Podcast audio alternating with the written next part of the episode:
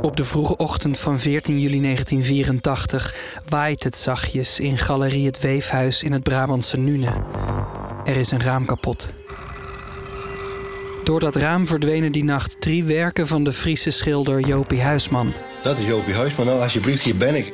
Jopie wilde dolgraag exposeren in Nune. Dat is de woonplaats van Vincent van Gogh. En hij begon te huilen. Misschien wel te graag. Hij was gewaarschuwd voor die meneer. Al snel werd er in één richting gewezen.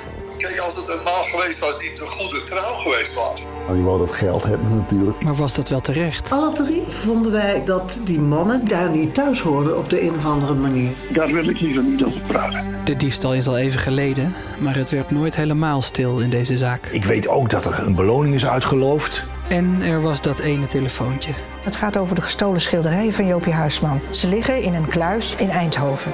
De schilderijen zijn niet meer boven water gekomen. Dat is er nooit van gekomen. Shit. Nog niet. Die werken zijn absoluut niet vernietigd, die zijn nog ergens. Je luistert naar De gestolen schilderijen van Jopie Huisman. Een podcast van Simon Heijmans en Marion Oskamp voor NPO Radio 1 en de NTR. En dan ga je liever kijken naar de dingen die er wel zijn.